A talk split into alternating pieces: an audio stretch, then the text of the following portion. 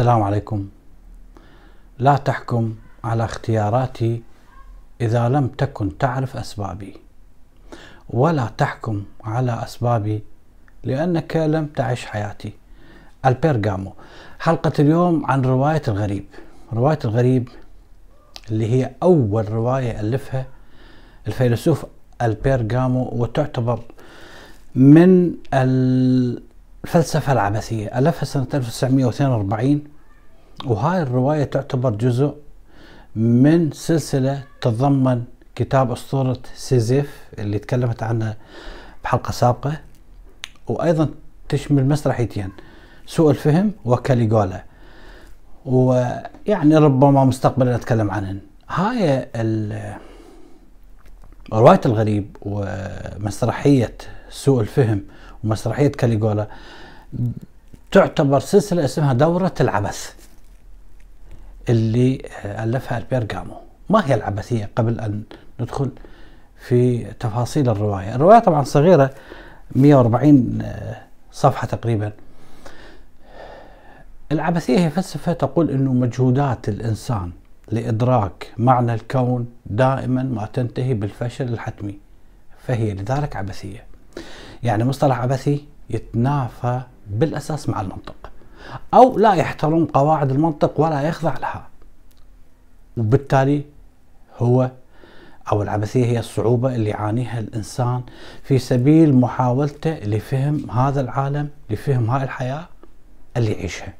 بمعنى آخر هو أحد مستويات السخرية باعتبار العبثية غير متناسقة ولا منسجمة مع أي شيء على الإطلاق. نفسي بطل الرواية مارسو. يقول في أحد أحداث الرواية ما قيمة كل شيء ما قيمة كل شيء. إذا كان الموت سيختم كل شيء فلا شيء له أهمية ولا الحب ولا الحلم ولا شيء أبدا. إن كل شيء أعطي ليستعاد ثانية. نحن محكومون بهذا العالم الميت والمحدود. تبدأ الرواية بموت والدة بطل الرواية مارسو في دار للعجزة.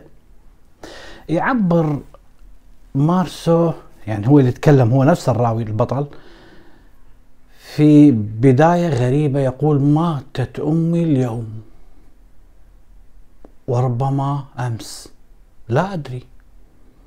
لقد تلقيت من الملجأ الذي تقيم فيه برقية هذا نصها. أمكم توفيت. الدفن غدا. أخلص تعازينا ولم أستطيع أن أفهم شيئا. ربما قد تكون توفيت أمس. يذهب إلى الملجأ. مارسو فيجد جثمان أمه. قبلها يستقبله طبعا المدير حتى يشوف جثمان أمه فيرفض أن يرى جثمان أمه. وهذا تصرف غريب كان يعني. فعندما يسأل مدير الملجأ لماذا ترفض أن ترى جثمان أمك؟ يقول لا أدري. أثناء الجنازة عندما يذهبون إلى الدفن أو قبل الجنازة وهم يعني جلوس في الملجأ مع رفاقها السابقين من العجزة يأخذ في تدخين سيجارة ويشرب القهوة وبدلا من الحزن على وفاة والدته وبدون أي كلام لا يتحدث مع أحد ولا يعلق على أحد فقط بينه وبين نفسه يعلق على الحاضرين. كل ما يريده هو تنتهي هذا أو ينتهي هذا مجلس العزاء سريعا حتى يعود إلى بيته ويأخذ قسط من النوم. الغريب في اليوم التالي من وفاة والدته يستأنف حياته كأن شيء لم يكن فيذهب إلى مسبح في الميناء قريب من الميناء وهناك يجد صديقته ماري يذهبان إلى السينما ويشاهدان فيلم كوميدي ويقضيان الليلة معا يعني يمارسون الحب. هذا المشهد يقول عنه مارسو وخطر في ذهني حينئذ إن هذا يوم أحد متعب وإن أمي قد تم دفنها. وإني سأستأنف عملي غدا وإن شيئا لم يتغير.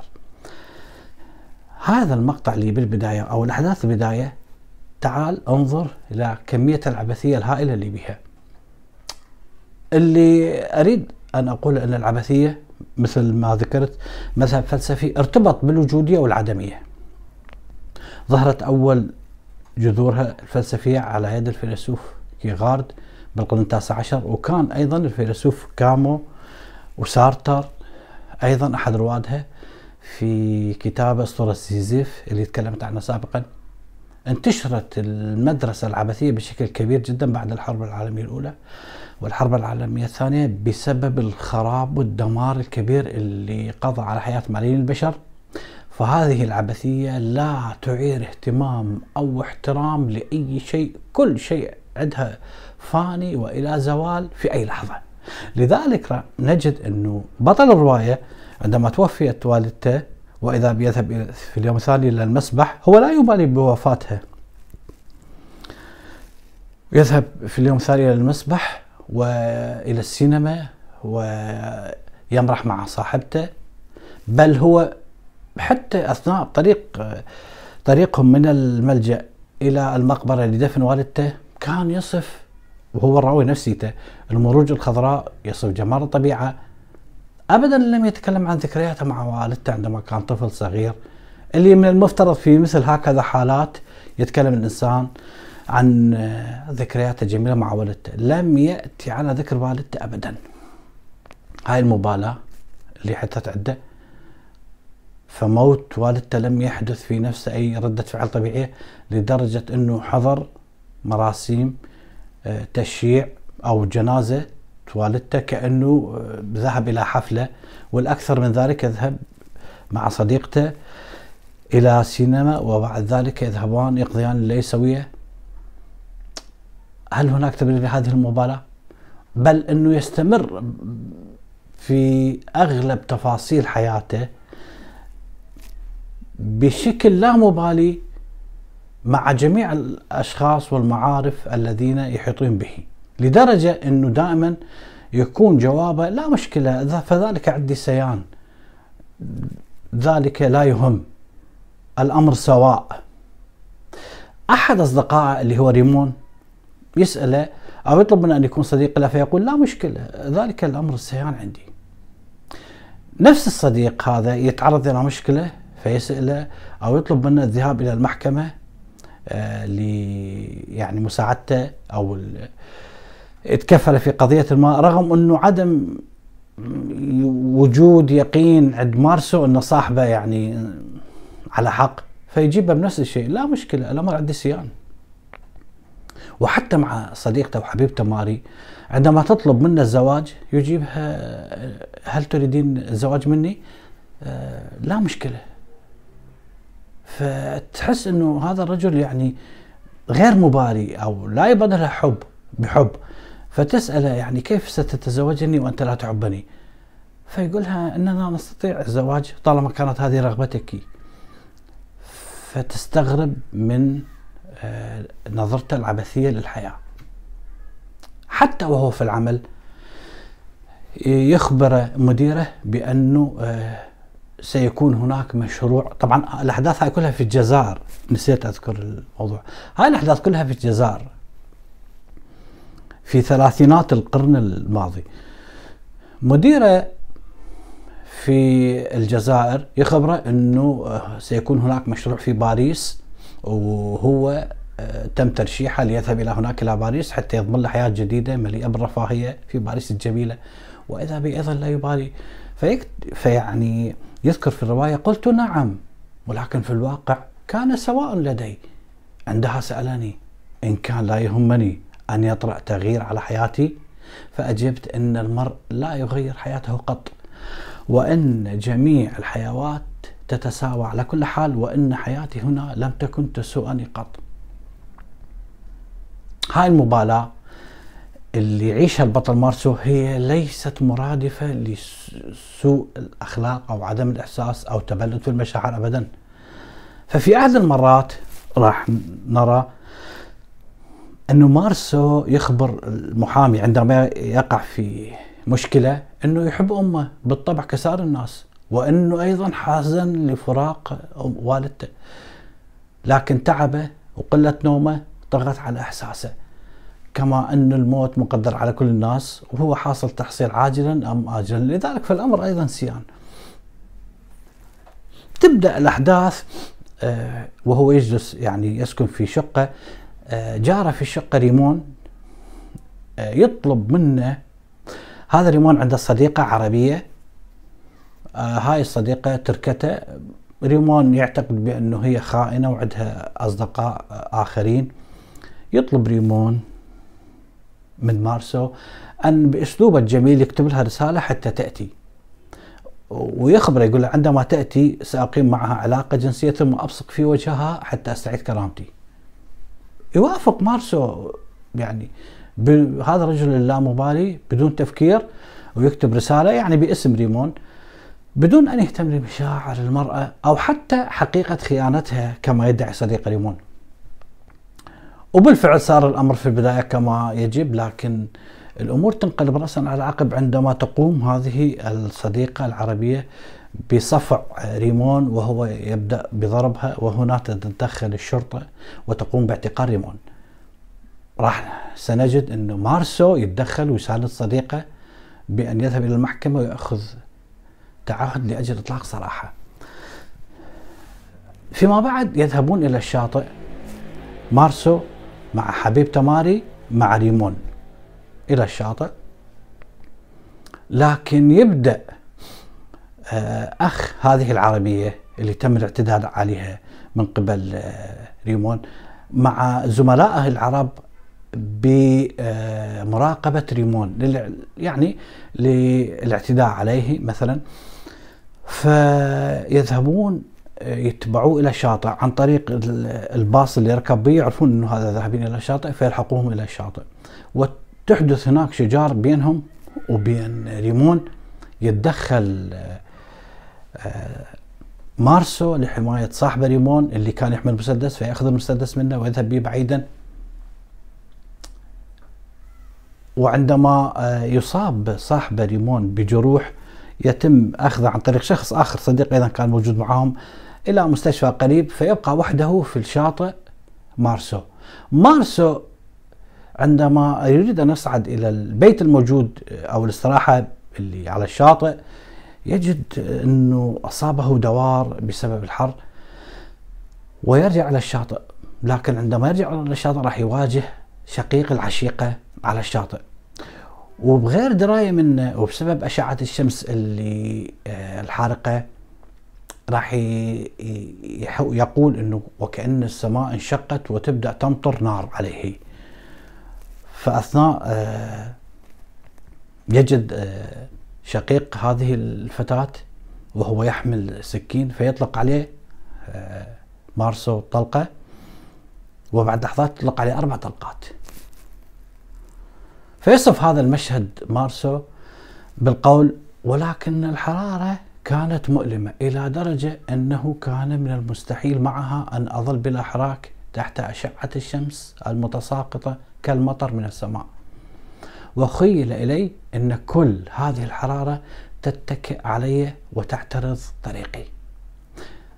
طبعا بسبب هاي الشمس بسبب هذا اللهب الحارق يتهيأ لأنه السكين اللي سحبها العربي وكأنه مثل السيف يلمع مما جعل يفقد السيطرة على أعصابه ويصبح في حالة هياج ويخرج المسدس ويطلق عليه طلقة. فيقول توتر كياني كله وتقلصت يدي على المسدس واستجاب الزناد للضغط ولمست إصبعي باطن المسدس المصقول وارتفع صوت جاف وحاد في الوقت نفسه. هاي الطلقة الأولى. يكمل يقول وأزحت العرق والشمس وفهمت أني دمرت توازن اليوم والسكون الرائع للبلاج الذي كنت سعيدا به. وحينئذ أطلقت أربع رصاصات أخرى على جسد المسجى الذي خمدت أنفاسه فنفذت فيه من غير أن يبدي حراكا. بالتالي راح نشوف الجريمة اللي حدثت لم تكن متوقعة ولا مخطط لها. حست بالصدفة لأنه لم يكن في نيته أن يقتل هذا العربي بل لم يكن له أي علاقة بهذه الشاجرة اللي حدثت مع صديق ريمون. بالتالي تم القبض عليه بسبب ارتكابه هاي الجريمة وتم الزج به في السجن. تتلخص هاي الفكرة بوضوح في مشهد قتل مارسو للبطل أو العفو للعربي بسبب لهب حرارة الجو. فتخيل مثل ما ذكرت إنه هاي السكين اللي يحملها العربي بسبب أشعة الشمس اللي ظهرت عليه على عيونه وكأنه سيف يلمع ومؤكد إنه هذا العربي راح يغرز هذا السكين أو السيف في في قلب أو في جسم مارسو.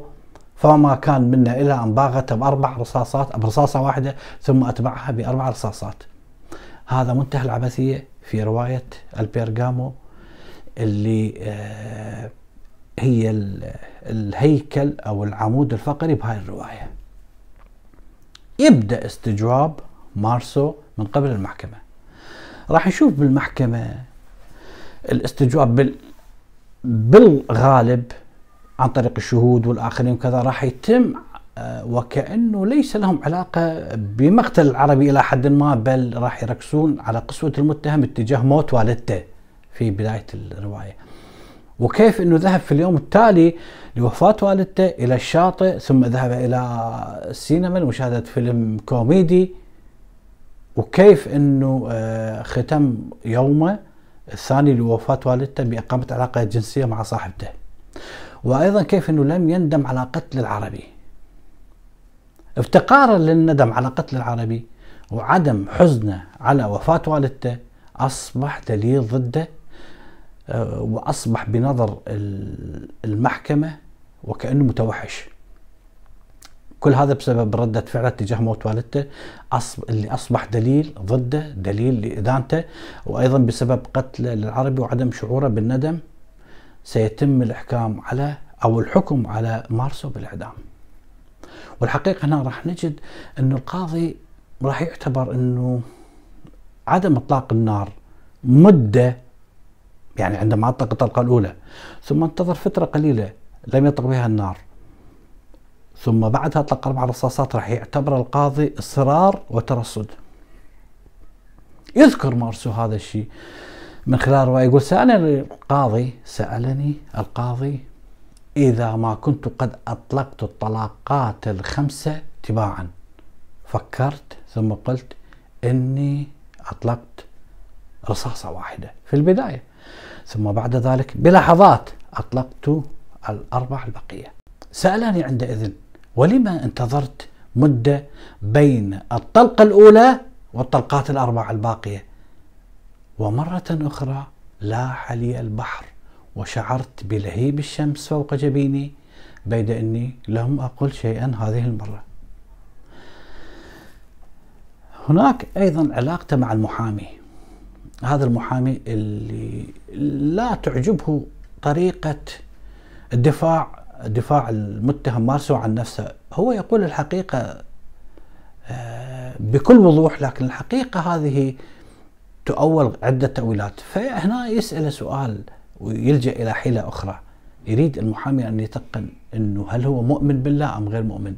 فيذكر في الرواية على لسان الراوي يقول نهض فجأة يقصد المحامي نهض فجأة ومشى بخطوات كبيرة نحو طرف مكتبه وفتح درجا في خزانة مكتبه وأخرج منه مسيحا مصلوبا من الفضة. شهره وهو يعود إلي وبصوت متغير تماما يكاد يكون مرتجفا صرخ أتعرف هذا؟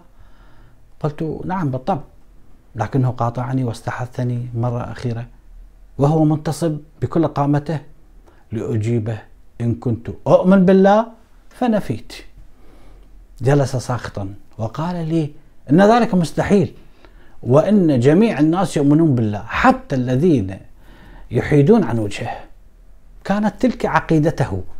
وإن كان عليه يوما أن يشك فيها فلن يكون لحياته أي معنى. صرخ هل تريد أن يكون أو هل تريد أن لا يكون لحياتي أي معنى؟ في رأيي إن ذلك لم يكن يعنيني. وقد قلت له هذا. وهو كان يقول هل ترى؟ هل ترى؟ ألست تؤمن؟ وتريد أن تعترف له؟ وبالطبع أجبت بالنفي مرة أخرى فسقط في مقعده من جديد. عندما يتم سجن مارسو راح يتآلف مع حياة السجن وتصبح هذه الزنزانة مع مرور الوقت وكأنها بيته. لكن أفكاره الطليقة والحرة اللي كانت تنتهي به على الشاطئ في البحر وفي السباحة مع صديقته ماري تبدأ تضمحل مع مرور الوقت لتصبح أفكار سجين عادي. فيقول في الرواية يقول فكرت كثيرا آنذاك لو أنهم تركوني أعيش في جذع شجرة يابسة من غير أن يكون لدي ما يشغلني سوى النظر في زهرة السماء فوق رأسي لاعتدت ذلك شيئا فشيئا. كنت سأنتظر مرور الغيوم والتقاء كنت سأنتظر مرور الطيور والتقاء الغيوم. ويتذكر قول أمه اللي تقول الأمر ينتهي بالإنسان أن يتعود كل شيء. هنا بعد اعتياده على السجن لا يبالي في حكم المحكمة أبدا فعندما يسأل أحد الشرطة ما هو شعوره بهذه اللحظة؟ هل هو خائف؟ فيجيب أنا لا أخاف لأني لم أعش هذا الشعور من قبل بل ما يهمني على نحو ما أن أشاهد المحكمة. هذا هي كلها أمور عبثية.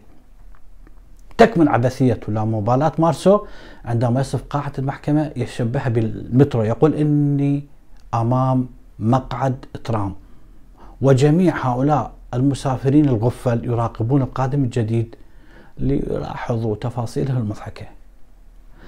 فحين يسأل في أحد المرات القاضي عن سبب قتل العربي يجيب بكل بساطة الشمس مما يثير سخرية وضحك الحضور. والحقيقة أنه هذا هو السبب المادي المباشر الحقيقي اللي ما بي أي أثر لا لا توجد فيه أي قيمة أخلاقية. فالإجابة هنا كانت مئة بالمئة من دون أي مبرر أخلاقي. وهنا تكمن قمة العدمية عند البرغامو نرى هنا أن جامو لا يبرر القتل بل على العكس يوضح أن القتل ليس له أي مبرر أخلاقي وسبب ذلك عدم وجود أخلاق مطلقة بل كل شيء نسبي وفقا للعدمية اللي يؤمن بها. وراح نشوف أنه يتم الحكم على مارسو وهو حكم قاسي حيث يحكم عليه بقطع رأسه في ساحة عامة أمام جميع الناس باسم الشعب الفرنسي إحقاقا للحق والعدالة. وحتى هذا الأمر لم يكن يعنيه في شيء. وفي هاي النهاية المأساوية راح يضعنا الراوي أو الكاتب البرغامو أمام حقيقة خطيرة وهي خلو كل شيء من المعنى واستحالة العثور عليه. فلا يوجد معنى لقتل شخص لأنه قتل شخص آخر دون معرفة الدوافع الحقيقية. الأمر كان صدفة. دون النظر فيما إذا كان ناتج مثلا عن خطأ ما غير متعمد. أين العدالة في إرسال شخصين إلى العالم الآخر بدلا من شخص واحد؟ ما معنى نطق الحكم باسم الشعب الفرنسي وكأن جميع الفرنسيين يحاكمون شخص واحد ويقفون ضده؟ ولماذا هذه العقوبة القاسية اللي هي قطع الرأس وعلى مرء من العامة؟ أسئلة كلها يطرحها البيرغامو في روايته حتى نرى كيف أن المعنى مفتقد تماما ليس من طرف الأفراد فقط بل من طرف المجتمع بأسره بل من طرف المحكمة حتى المؤسسة القضائية اللي المفترض بها أن تحقق الحق وأن تقيم العدالة والشرع هي أيضا آه، أحكامها بلا معنى. فالعبث تظهر هنا قمة العبثية أيضا في محاكمة آه، مارسو بتفاصيل يهتم مارسو وهو في المحكمة بأمور آه، عجيبة أمور لا تعني بالعمق. فمثلا يهتم بملابس المحامي وملابس القاضي والغريب أيضا أنه وجهت إلى تهمة هي ليس لها علاقة بقتل العربي اللي هي عدم الحزن على والدته وذهابه في اليوم الثاني إلى مسبح وسينما وغيرها. فالمحكمة هنا أهملت الجانب الحقيقي واهتمت بسلوكه أكثر من اهتمامها بجريمة القتل وأخذت عاقبة على لا مبالاته تجاه الحياة والموت. فوجد مارسو نفسه متهم قضايا لا علاقة لها بجريمته فيقول في يعني كتابة للرواية وعلم المحققون من البحث الذي قاموا به أني أظهرت عدم المبالاة يوم وفاة أمي. وذهبت للسينما ومارست الحب مع صديقتي وقلت أني كنت أحب أمي من غير شك لكن هذا لا يهم. وكل الأشخاص العاقلين يتمنون كثيرا أو قليلا هؤلاء موت هؤلاء الذين يحبونهم. هنا قاطعني المحامي وبدا عليه اضطراب شديد غير أني أوضحت له إن من الطبيعي إن حاجاتي الجسمانية تعرقل كثيرا مشاعري. وفي اليوم الذي دفنت فيه أمي كنت متعبا جدا. كان النوم يسيطر علي إلى درجة إني لم أنتبه إلى ما كان يحدث والشيء الذي أستطيع أن أؤكده هنا إني كنت أفضل ألا تموت أمي. بعد أن يحكم عليه بالإعدام وهو بانتظار تنفيذ الحكم يدخل عليه قس يبين البيرغامو على لسان هذا القس إن الملحد يحيا حياة لا أمل فيها لأنه سيموت بمعنى أنه سيفنى ولا يعود للحياة مرة أخرى.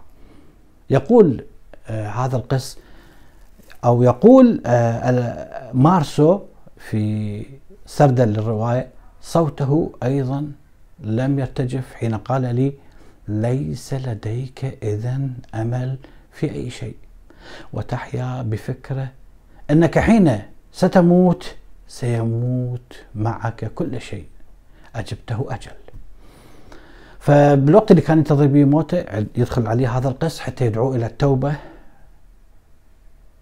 قبل أن يتم تنفيذ الحكم به. لكن مارسو راح يرفض هذا الشيء قائلا بأنه لا وجود ولا أي فائدة من الإله. لكن القس يتمنى عليه أن يؤمن بالله وأن يتحول من الإلحاد إلى الإيمان بالله. بالنهاية راح ينفجر مارسو غضبا في وجه هذا القس وبدأ يتحدث عن البشر. وحماقاتهم وسخافاتهم وعبثيتهم وعدميتهم أيضا يبدأ يتحدث بدون توقف عن عدم وجود أي معنى ولا أي غاية من هذا الوجود بأكمله. ثم يأخذ يعبر عن غضبه من البشر وكيف إنهم يحكمون عليه من أفعاله اللي فعلها وتحديدا عن مشاعر وأحاسيس وردات فعل اتجاه أحداث حصلت معه قبل ارتكاب الجريمة. بالتالي راح نشوف العبثية اللي قدمها البيرغامو بهاي الرواية على لسان مارسو. يقول يقول البطل مارسو ولكي لا أشعر بكثير من الوحدة لم يعد أمامي إلا أن أتمنى أن يحضر. متفرجون كثر يوم تنفيذ الحكم بإعدامي. وأن يستقبلوني بصيحات الكراهية. وتنتهي الروايه بموته ونجد أن هذا الموت العبثي يلعب دورا رئيسيا في كل هذه الرواية ابتداء من موت أمه اللي تعامل معه بعبثية وقتله للشاب الجزائري اللي حدث بطريقة عبثية ويجي موته أيضا بمحاكمة وبطريقة عبثية لينتهي إلى الإعدام. ويذكر هنا من ضمن الأمور الرائعة في الرواية. البرغامو مشاعر مارسو قبل تنفيذ حكم الإعدام. يروي كيف هي وما هي مشاعر آه، هذا المحكوم بالإعدام الخوف والقلق لأنه في أي لحظة تأتي الشرطة لاصطحابه لغرفة الإعدام. فيصف خوفه هذا يقول كنت أعلم أنهم يأتون فجرا. وفي المحصلة شغلت ليالي بانتظار هذا الفجر. لم أحب يوما أن أفاجئ. عندما يحصل لي شيء أفضل أن أكون حاضرا متيقظا. ولهذا فضلت أن لا أنام إلا قليلا من نهاري. أما ليالي فكنت أنفقها بصبر في انتظار انبثاق النور على صفحة السماء. فقد كان بالإمكان أن أسمع واقع خطأ. فينفجر قلبي على الرغم من أني عند أقل صرير كنت أقفز لألتصق بالباب وبالرغم من أني كنت ألصق أذني بخشية مترصدا بجنون. ويصل إلى النهاية أو الخلاصة اللي يقول بها لكن الجميع يعلم أن الحياة لا تستحق أن تعاش. أتحدثني عن يوم الحساب الأخير؟ أتحدثني. عن يوم الحساب الأخير اسمح لي بأن أضحك باحترام. وسأنتظر ذلك اليوم بصبر لأني عرفت ما هو أسوأ منه حساب البشر. سأخبرك بسر كبير يا صديقي العزيز لا تنتظر يوم الحساب. لا تنتظر يوم الحساب الأخير إنه يحدث كل يوم. البرغامو شكرا.